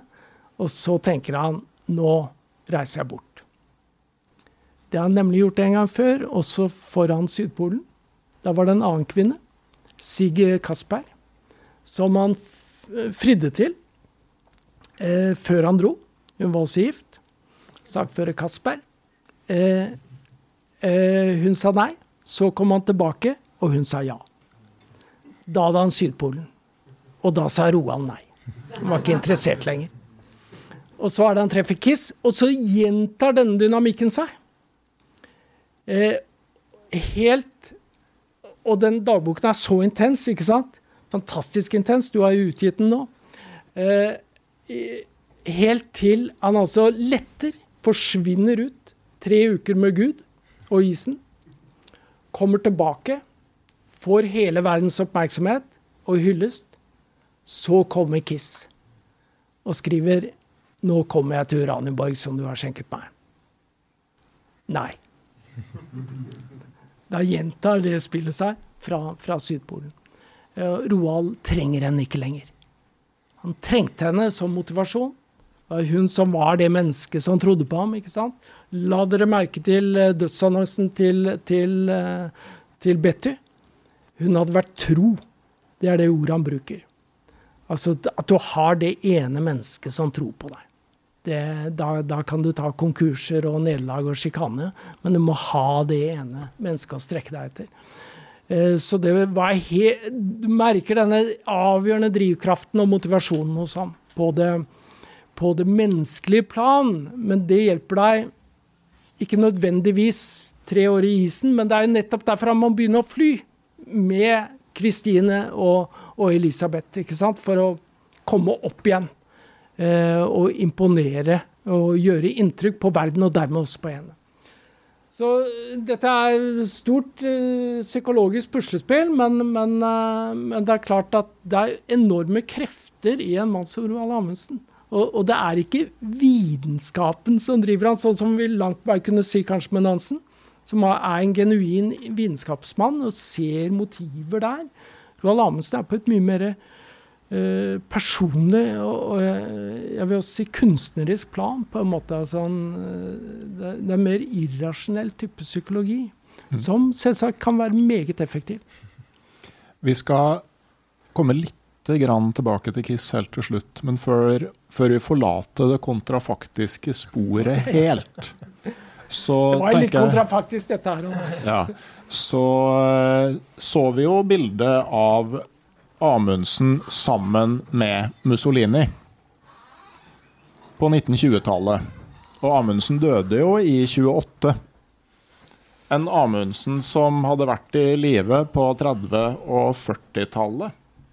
Kan vi si noe om hvordan det hadde vært? Nei, jeg svarer på det. Eh, I hvert fall mitt svar på det. Eh, det er forskjell på de som hyller Mussolini på 20-tallet, og de som hyller Mussolini på 30- og 40-tallet. Eh, og eh, Amundsen hadde gode ord å si om Mussolini på 20-tallet, og uttalte seg til avisen at han, man ikke hadde sett en større leder siden Napoleon. Eh, men dette, selv om Mussolinis menn også var brutale på 20-tallet, eh, eh, så, så, var det jo ikke politikken Amundsen omfavnet. Eh, men det var kanskje lederskap og orden og, og liksom strukturen som veldig mange, også Amundsen, eh, syns virket effektiv. Eh, og så fikk, så han nok eh, ikke eh, både hvordan det kom til å bli, eller, eller visste det. Så, så jeg eh, velger å tro at Amundsen ikke ville fortsatt sin, sin beundring for, for, mannen utover. Og det syns jeg det, det, er vanskelig. og Det er jo historiens vanskelig oppgave det der, å vite hvordan det kunne blitt. Eh, ja, men Vi har litt dokumentasjon, fordi eh, når bruddet kommer med italienerne etter Norgeekspedisjonen, som jo ble et bittert oppgjør, så blir plutselig Amundsen kommunist. For de støtter han. De er jo anti, antifascister. Og, og, vi har et par eksempler på at han takker for hyllestene i Norges Kommunistblad. Og han er jo også ivrig på på arbeiderbevegelsen etter ekspedisjonen i 25. Er ikke da han blir mottatt ute på Hovedøya mm. mm. og hyllet av arbeiderne? Så Amundsen, De som støtter Amundsen, støtter Amundsen. Altså, han er sånn sett dypest sett apolitisk. Eh, selv om man selvsagt kan benyttes politisk. Men det er jo litt sånn altså En ting er jo i hvilken grad du bekjenner deg til en ideologi, men hvis du ser på sånn spillet om Øst-Grønland, så var det jo en del som så muligheten fordi Tyskland plutselig herska over både Danmark og Norge, og sånn sett kunne tilbakeføre Grønland til Norge. og Derfor så gikk man på en måte i tjeneste eller så gikk man sammen med det regimet. og det eh, Sånn at det kan på en måte være mange beveggrunner for å bli fanga. Eh, når vi nå sitter og går gjennom Amundsen 2024, så har jo vi på en måte fordelen av at når Øverland skriver eh, på nyttårsaften i 23, så vet vi hva som skjer sommeren 2025. Og det interessante er at det visste jo verken Amundsen eller noen andre hvordan det her skulle ende. Det er kanskje òg viktig å ta med seg utover 30-tallet. Ja, sånn må vi jobbe, skal vi jobbe med historisk materiale. At, at, at, at Amundsen visste ikke nøyaktig hvordan hans avgjørelser øh, ville ende. Det vet vi i dag. Vi kan se hans liv fra begynnelse til, til en slutt. Øh, noe Amundsen ikke kunne. Så selv om vi aldri møtte han, selv om vi aldri levde i verden hans, eller, eller kjente de som levde nær han, så, så vet vi på mange måter litt mer enn han akkurat nå som vi gjør 100 år etter. Eh, og det er jo et interessant perspektiv. Jo, vi vet, vi vet om Roald at Jeg gjentar det med apolitisk på en helt annen måte enn Nansen. Nansen bygget jo politiske allianser som og, og, og, og, han bygget Norge, f.eks. Han holdt søtt når, Typisk når Nansen kom hjem fra, med Fram, så gikk han jo rett inn i unionsstriden og, og nasjonsbygging. Så kommer Roald hjem fra Nordvestpassasjen og blir bedt om å holde 17. mai-tallet på Akershus. Det er ikke noe som kunne interessert ham mindre, så han får en fetter ned i Østfold til å skrive hele talen, og lirer han av seg, og er egentlig ganske fortørna. Og, og, og, det Nansen-bildet som politisk størrelse, det plager han, har jeg inntrykk av, hele livet. Stiller opp litt for fedrelandslaget og sånn, men, men, eh, men, meget halvhjertet. Jeg, han er interessert altså Han skriver vel også i selvbiografien, og der tror jeg vi må tro han. altså Jeg er polfarer, for pokker! Eh, og jeg bruker alt og alle for det de har vært, for å nå mine mål. Men eh, bruk meg ikke til noe annet, egentlig. Det er godt oppsummert. Mm. Jeg tenker jo da, For å gå tilbake til, til Kiss helt til slutt, så er det jo når man er arkeolog, når man er historiker, når man er biograf, så begynner man jo på en måte å rote i ting som både vedkommer for Amundsen, polfareren, men også personen. Eh, men man drar jo også andre folk inn i denne malstrømmen, sånn som Kiss med sitt privatliv, som blir en del av norsk polarhistorie. Og det her får jo Altså, det her ender jo først ganske mange år seinere. Ja, eh, det er jo litt sånn at man eh, må behandle dette altså Døde folk har vel også en slags sånn personvern, eh, på en eller annen måte.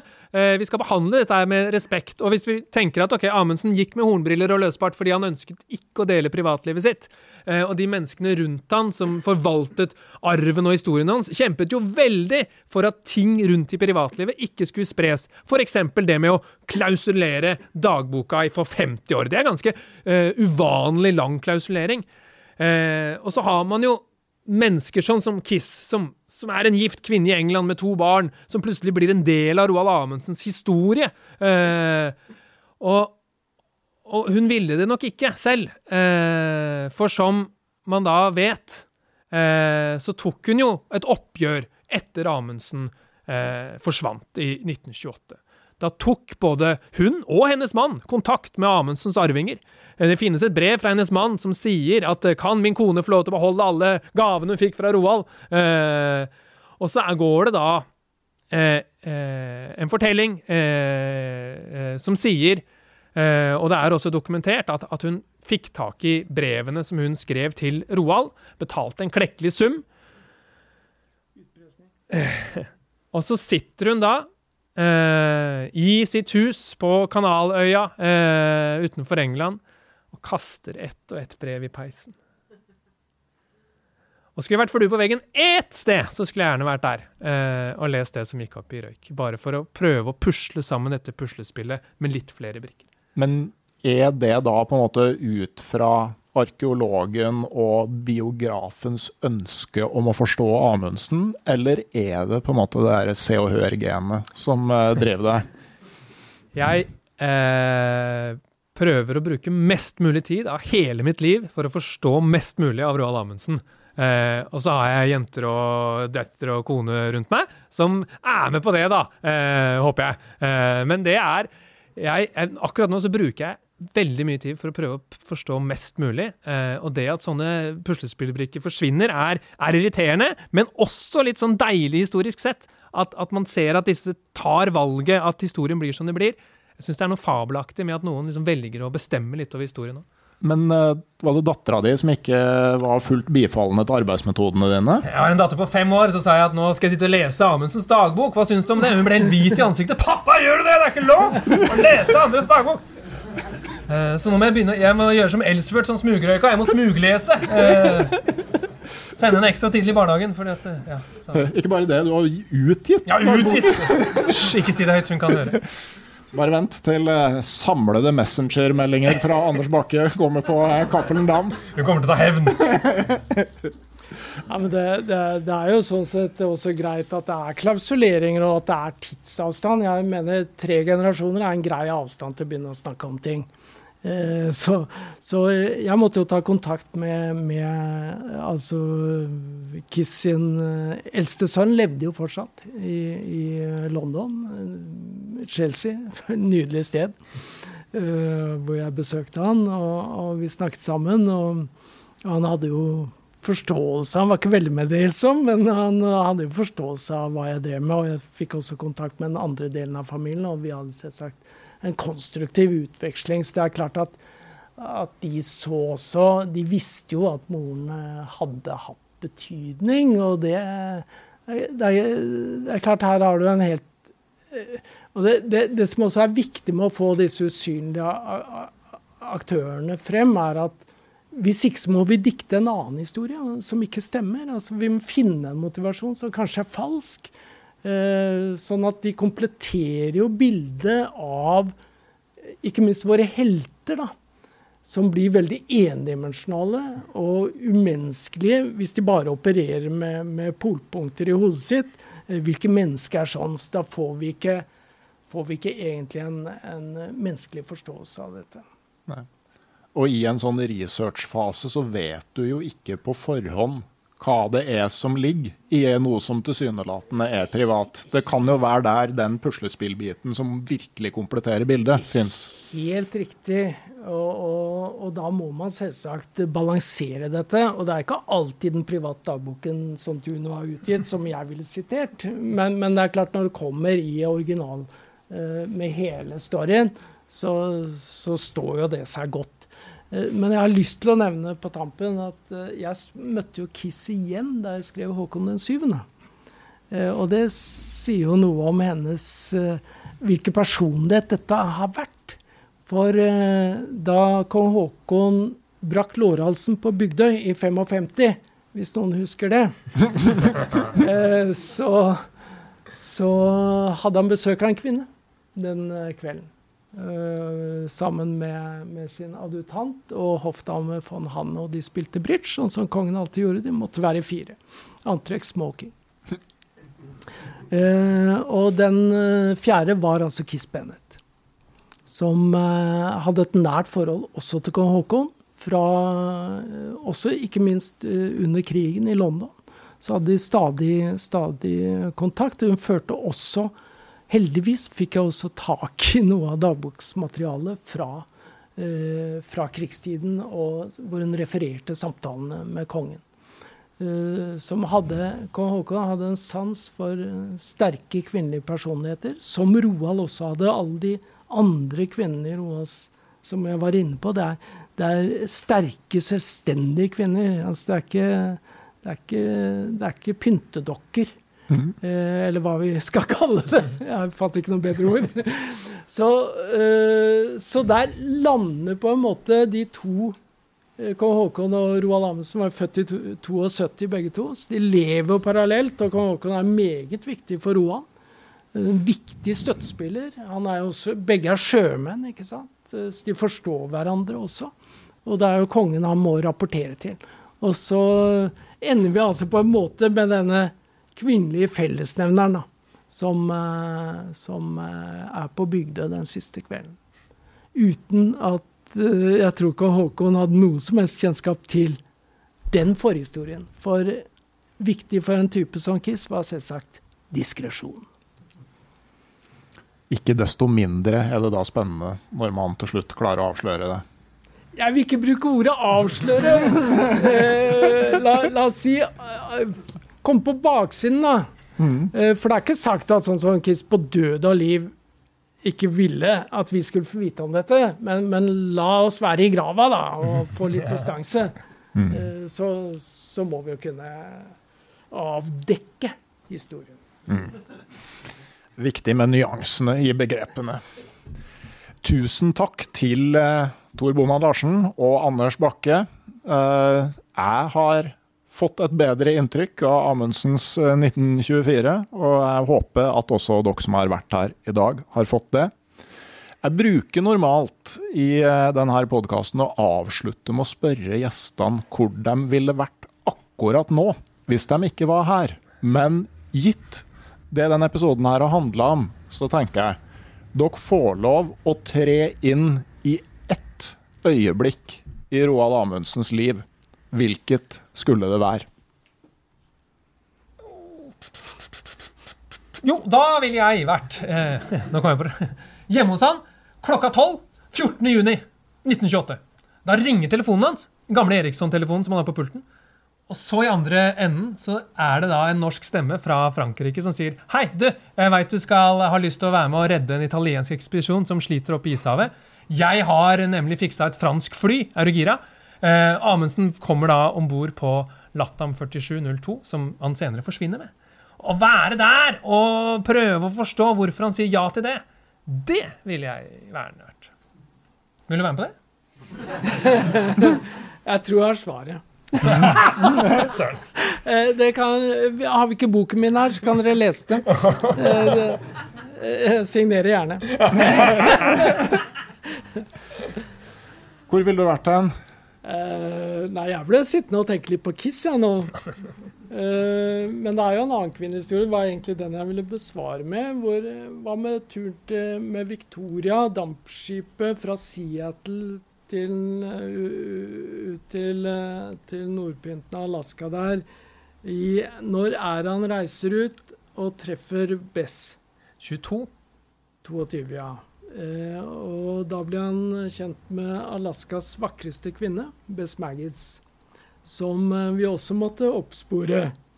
Eh, og det tror jeg var en gøyal flørt. De møtes om bord på denne båten. Amundsen har badekar på lugaren. ja. Og, og det er jo Bess som kommer for å gifte seg med Roald da han stikker av med Lata. Så her uh, har vi en tredje omdreining i Roald Amundsens kvinnelige ekspedisjoner. Det er en uh, podkastverts privilegium å av og til kunne svare på sine egne spørsmål. Jeg vet akkurat hvor jeg ville vært. Ja, vi er nysgjerrig. Jeg ville vært med i Sydpollaget, og så ville jeg kommet tilbake til Framheim og ha vært da ca. 100 døgn uten kaffe. Så sett hammerfesting, Adolf Lindstrøm over kjelen. Og så setter vi oss og drikker kaffe der. Det, jeg, jeg tror kanskje om, om jeg kan velge hele verdenshistorien, så, så er det en viss risiko for at jeg havner akkurat der og akkurat da. Vet du hvem jeg ikke ville truffet ved det kaffebordet? Hjalmar Johansen, som hadde sittet og venta på dere. Han har i det minste hatt kaffe i ventetida. Tusen takk igjen til Tor Boman Larsen og Anders Bakke. Tusen takk til dere som kom hit i dag. Veldig hyggelig. Tusen takk til alle på Revir som lot oss få være her. Dere som hører på det her, kan følge link i episodeinfo og finne en rabattkode som gir dere 20% på et enkelt kjøp av Revir sine egne produkter før 1. mars. Tusen takk også til min eh, kommersielle samarbeidspartner Barents Outdoor. Det her var episode 199. Vil du høre episode 200, så er det kun én mulighet. Den må kjøpes på LP-plate. Jeg har ikke googla om noen andre har gitt ut uh, podkast på vinyl før. Fakta ødelegger alle gode illusjoner. Men jeg vet ikke om så veldig mange som har gjort det. Så eh, dere finner også link i episodeinfo til bestilling. Nå har det vært et frenetisk tempo på utgivelsen her en stund. Nå skal jeg roe litt ned. Det kom en ny episode av podkasten Uteliv om ei uke. Og inntil da så sier jeg rett og slett ha det bra.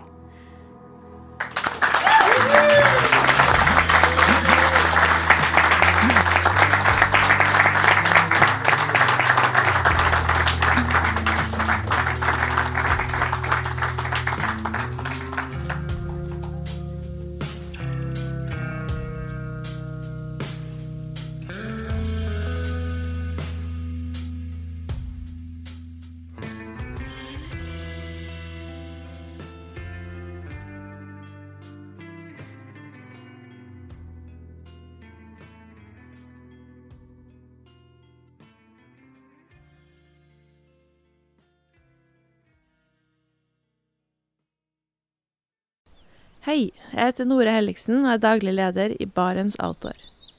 Det beste vi kan gjøre for planeten, er å redusere forbruket vårt og få mer ut av det utstyret vi allerede har. Men vi vet av erfaring at bruken av telt kan endre seg over tid. Det teltet du kjøpte for to år siden, passer kanskje ikke det behovet du har i dag. Derfor har vi i Barents etablert en egen panteordning der vi tar imot brukte telt av god kvalitet, i innbytte når du kjøper et nytt av oss. Prosessen er enkel. På barentsoutdoor.no gir det oss informasjon om teltet du vil bytte inn. Basert på det får du et tilbud fra oss som gir deg rabatt på ditt neste Barents-produkt. Mer info og betingelser finner du på barentsoutdoor.no. Og husk at den første reparasjonen på produkter fra Barents er alltid gratis.